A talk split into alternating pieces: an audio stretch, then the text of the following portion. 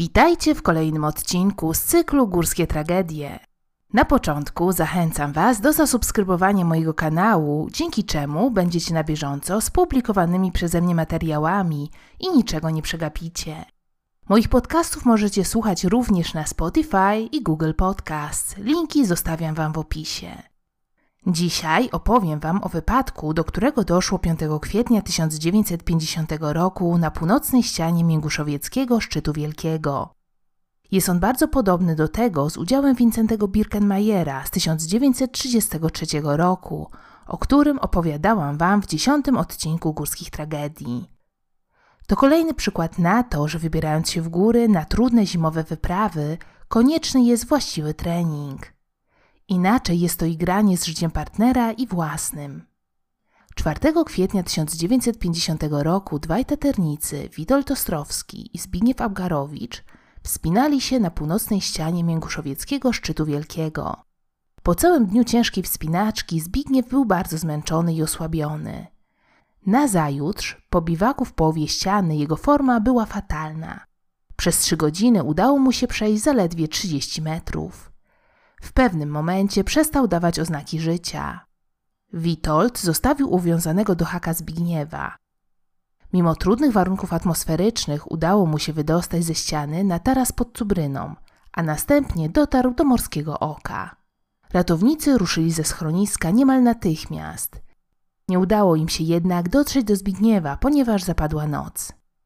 Kolejnego dnia wyprawa Topr dotarła do zwłok mężczyzny, które przetransportowano na skraj tarasu. Jednak akcja została przerwana przez złe warunki atmosferyczne. Tego dnia padał obfity śnieg.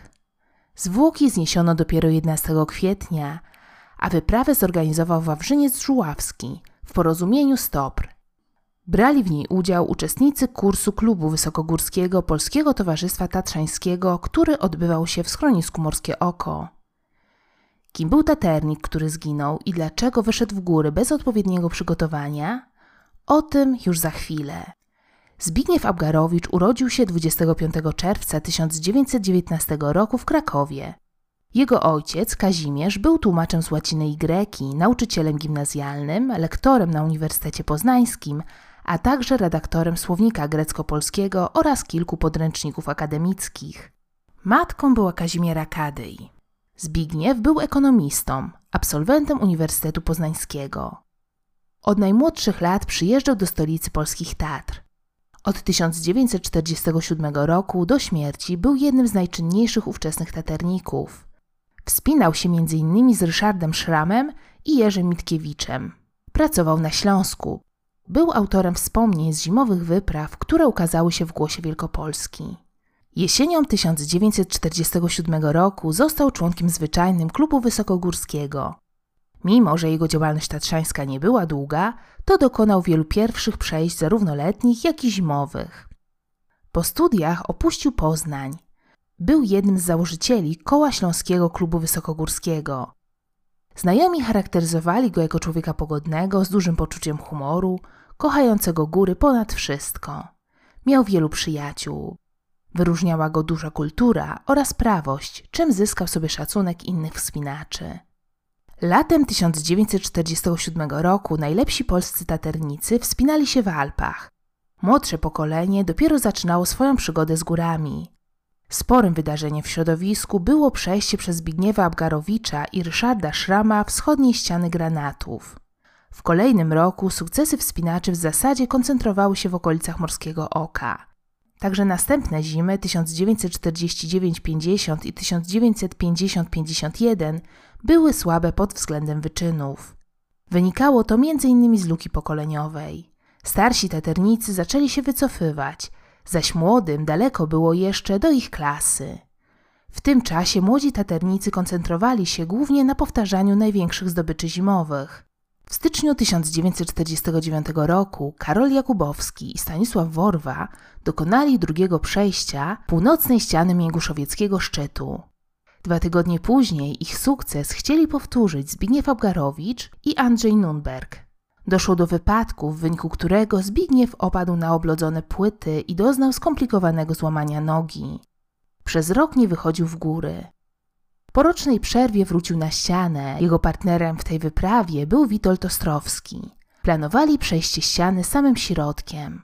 Trzeba podkreślić, że przejście to wiązało się z ogromnym wysiłkiem, a Zbigniew przez rok nie trenował.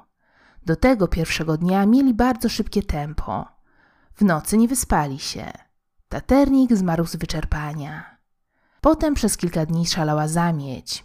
Mimo tego jego koledzy toczyli heroiczną walkę o ściągnięcie jego ciała, które było widoczne na zaśnieżonej ścianie z gangu schroniska. Obóz zimowy w 1950 roku w turnusie ogólnopolskim prowadził Stanisław Siedlecki, zaś w turnusie koła krakowskiego klubu wysokogórskiego Kazimierz Paszucha. Większość uczestników brała udział w akcji ratowniczej. Należy podkreślić, że Zbigniew Abgarowicz należał do pierwszego powojennego pokolenia taterników. Ludzie bardzo go lubili.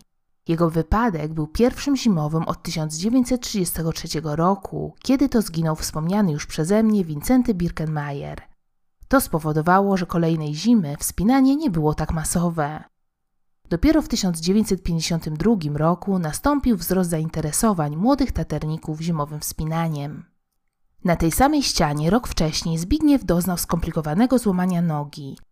Jego unieruchomienie przez cały sezon można uznać za pośrednią przyczynę śmierci, bowiem nie pozwoliła mu na właściwy trening. Zabgarowiczem na feralnej wyprawie był Witold Ostrowski. Urodził się 16 czerwca 1905 roku, zaś zmarł 19 stycznia 1992 roku. Wychował się w Sosnowcu. Ukończył Wydział Budowy Dróg i Mostów na Politechnice Warszawskiej. Był on nie tylko taternikiem i inżynierem, ale także oficerem Wojska Polskiego. Brał udział w kampanii wrześniowej i był w obozach niemieckich w ZSRR. Potem wraz z armią Andersa walczył pod Monte Cassino. W Tatry jeździł od 1924 roku, zaś wspinać zaczął się rok później. W taternictwo wprowadził go Jędrzej Marusarz. Aktywnie wspinał się od 1930 roku, m.in. z Bolesławem Chwaścińskim czy Wiesławem Stanisławskim. Brał udział w wyprawach w Alpy czy Andy. Uczestniczył też w wyprawie na Kaukaz czy do Patagonii. Dokonał pierwszego wejścia południowym filarem Smoczego Szczytu czy pierwszego zimowego wejścia na Smoczy Szczyt. W 1945 roku zorganizował wyprawę na Kilimandżaro. Przez wiele lat mieszkał w Zakopanem, gdzie kierował budową nartostrad czy nadzorował przebudowę skoczni narciarskiej. Współpracował z Teternikiem i wydawał książki o tematyce górskiej. Był gawędziarzem. Przez lata mieszkał w Argentynie, a następnie w 1975 roku osiedlił się w Warszawie. Jestem ciekawa, jak wy oceniacie fakt, że bohater dzisiejszego odcinka poszedł w góry bez odpowiedniego treningu, narażając przy tym życie swoje i Witolda Ostrowskiego. Z jednej strony była to wielka nieodpowiedzialność, a z drugiej strony rozumiem, że ten rok przerwy musiał być dla taternika nie lada wyzwaniem. Szkoda, że przypłacił to życiem. To wszystko, co przygotowałam dla Was na dzisiaj. Jeśli chcecie, żebym nagrywała inne historie, dajcie łapkę w górę i subskrybujcie mój kanał. Pod filmem zamieszczam Wam źródła, z których między innymi korzystałam. Jeśli wiecie coś więcej o tych wydarzeniach, koniecznie piszcie w komentarzach poniżej. Zapraszam Was również na Facebooka weekendówmałopolsce.pl i na Instagram. Linki zostawiam w opisie. Do usłyszenia w kolejnym podcaście z cyklu Górskie Tragedie.